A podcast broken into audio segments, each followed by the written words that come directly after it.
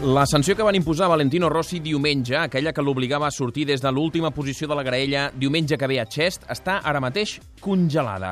Avui, quan se li acabava el termini per fer-ho, Valentino ha presentat recurs davant del TAS, al Tribunal d'Arbitratge de l'Esport. Demana que li retirin la sanció. Com que el TAS no decidirà fins la setmana que ve, la Federació Internacional de Motociclisme, la FIM, ha decidit que deixa la sanció en suspens. Volem treure l'aigua clara de tot plegat amb el Paco Sánchez. Paco, bona tarda. Hola, bona tarda. El Paco és advocat, eh, especialista a més a més en el Mundial de Motociclisme, entre d'altres, per exemple, advocat de, del Pol Espargaró. No sé si estàs tan sorprès com nosaltres per la decisió o si a vosaltres no us sorprèn tant. Bueno, no és ben bé com l'has comentat. A veure. La realitat és una altra. Uh -huh. eh, lo que el Valentino lo que ha fet és presentar un recurs d'apel·lació front al Tribunal Superior de l'Esport, Sí. al TAS, Mm. a Suïssa, eh, perquè té, té el dret de fer-ho en un termini de cinc dies. El, el dia acabava avui i ell ho ha fet i estava en tot el seu dret de, de presentar-ho. Sí, sí. Ara bé, eh, el TAS no decidirà fins a un termini estimat eh, sis mesos o vuit mesos, Mhm. potser, perquè és el termini ordinari que té per resoldre aquest tipus de- d'assumptes. Mentrestant, mentre es resol, n'hi ha una sèrie de circumstàncies que fan que el- l'apel·lant pugui demanar la suspensió cautelar. La suspensió cautelar no es la demana a la Federació Internacional. La suspensió cautelar és una mesura que demanes al Tribunal d'Arbitratge de, de l'Esport eh, per, per dues raons. Una és que n'hi hagi un dany que pugui ser irreparable, que aquí evidentment existeix, en cas de que el recurs presentat per al Valentino prosperés, el dany ja no tindria cap solució, amb la qual es dona aquesta condició, i la segona condició és que existeix existeixi un, una possibilitat eh, d'èxit del, del recurs. L'àrbitre del tribunal arbitral ha de decidir si fer com un prejudici, Mhm. ha de veure si aquest eh, recurs pot prosperar o és un recurs presentat a la desesperada sense cap possibilitat de- d'èxit. En aquest cas, si l'àrbitre estima que el recurs pot anar, anar endavant, eh, tindria que, que determinar la suspensió cautelar de la sanció. Això lo, hem- lo hem vist al món del futbol eh, en un munt d'ocasions. Uh -huh. Hi ha un partit important, una final, que els clubs presenten apel·lacions i el comitè moltes vegades, aquí dintre del, de l'entorn nacional, però el comitè moltes vegades ha acceptat eh, la, la suspensió cautelar de la sanció. Mm. En aquest cas serà, la, la sanció no està, en aquest moment no s'ha decretat aquesta suspensió, eh, això ho farà el Tribunal Arbitral de l'Esport abans del 6 de, de novembre, o sigui, abans dels entrenaments de València, i en aquest moment únicament l'única cosa que s'ha fet és la presentació del recurs per part de Valentino, però no n'hi ha cap decisió per part de, de cap òrgan. Mhm. Eh, per tant, si el Tribunal d'Arbitratge de l'Esport entén que l'apel·lació de Valentino té base, té alguna raó i, per tant, podria prosperar, el més probable és que li donin aquesta suspensió cautelar i que, per tant, a Chest Valentino surti en el lloc de la graella que es guanyi els entrenaments? Sí, sí, evidentment, seria així. Uh -huh. eh, mm, Valentino presenta aquest recurs, eh, com tu deies, avui se li acabava el termini, perquè diríem que als òrgans de justícia del, del Mundial ja no li quedava més recorregut, no? Després de diumenge passat eh, ja s'havien acabat. Exacte. N'hi ha un altre òrgan dintre de la Federació Internacional de, Motociclisme, que és la, la Corte de, de Disciplina Internacional, però quan n'hi ha un, una decisió que està presa per la direcció de carrera, de la direcció de cursa, i aquesta decisió està ratificada pels comissaris de la, de la FIM, com va ser a Sepang, en aquest cas no cap cap altre recurs dintre de la Federació Internacional de Motociclisme i l'únic recurs que queda és assistir al Tribunal Arbitral de l'Esport, que està per sobre de totes les federacions internacionals i que és l'últim recurs que possible.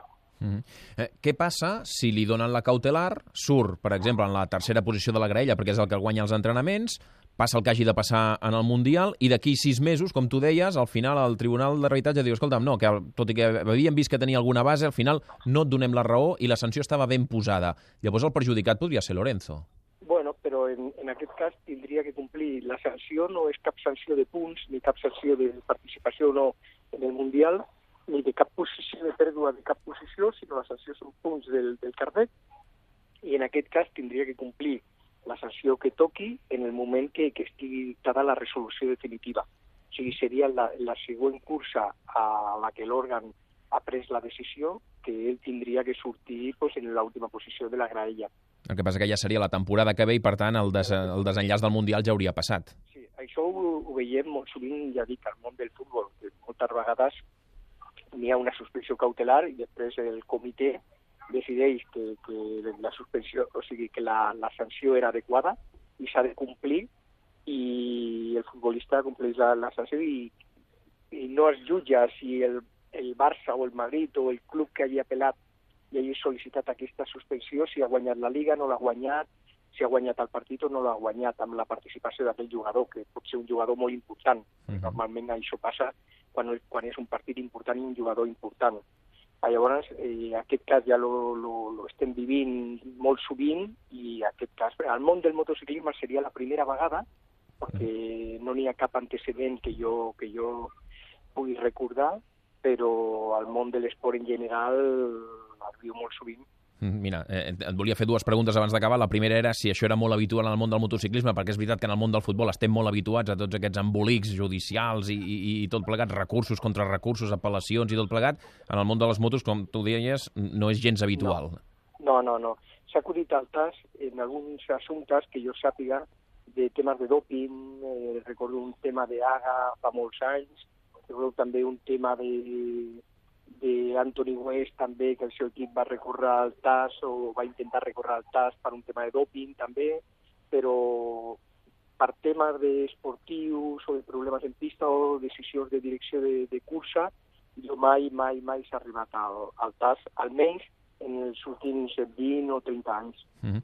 I l'última, última, què creus que passarà la setmana que ve? Jo el que crec és que eh, Valentino té moltes possibilitats d'èxit en el sentit de que determini la suspensió cautelar. No dic que passi, això és un tema que l'ha de decidir al tribunal i que s'ha de respectar, com totes les decisions eh, jurisdiccionals. I jo, per mi, el que, lo que l'afició i, i els mitjans de, de comunicació i nosaltres hem de fer és acatar la decisió, la que sigui, i disfrutar un bon espectacle amb noblesa, amb esportivitat i disfrutar d'una bona cursa i un bon espectacle. Mm -hmm. Això és el que espero.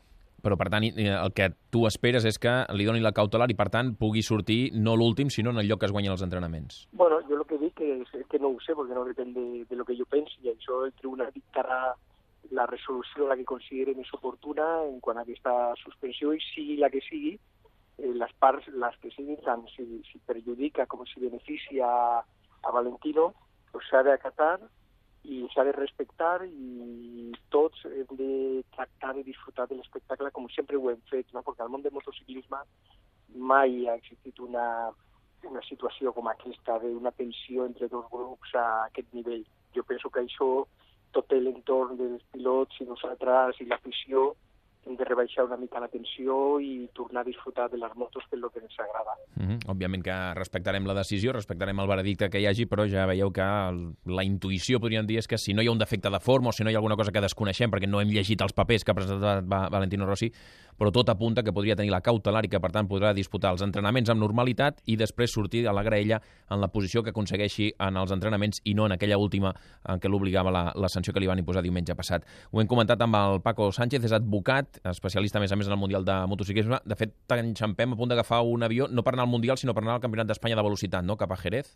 Sí, eh, exactament. Ara estic esperant l'avió, vaig a Jerez, perquè tinc dos pilots allà en el Mundial Júnior de Moto3 i vaig a recolzar-los. Molt bé, doncs eh, Paco, estem pendents de què és el que pugui passar, però ja veiem que aquest gran premi de Chess ens portarà tota la setmana que ve de, de cap, eh? Només faltava que hi, hi aparegués el TAS.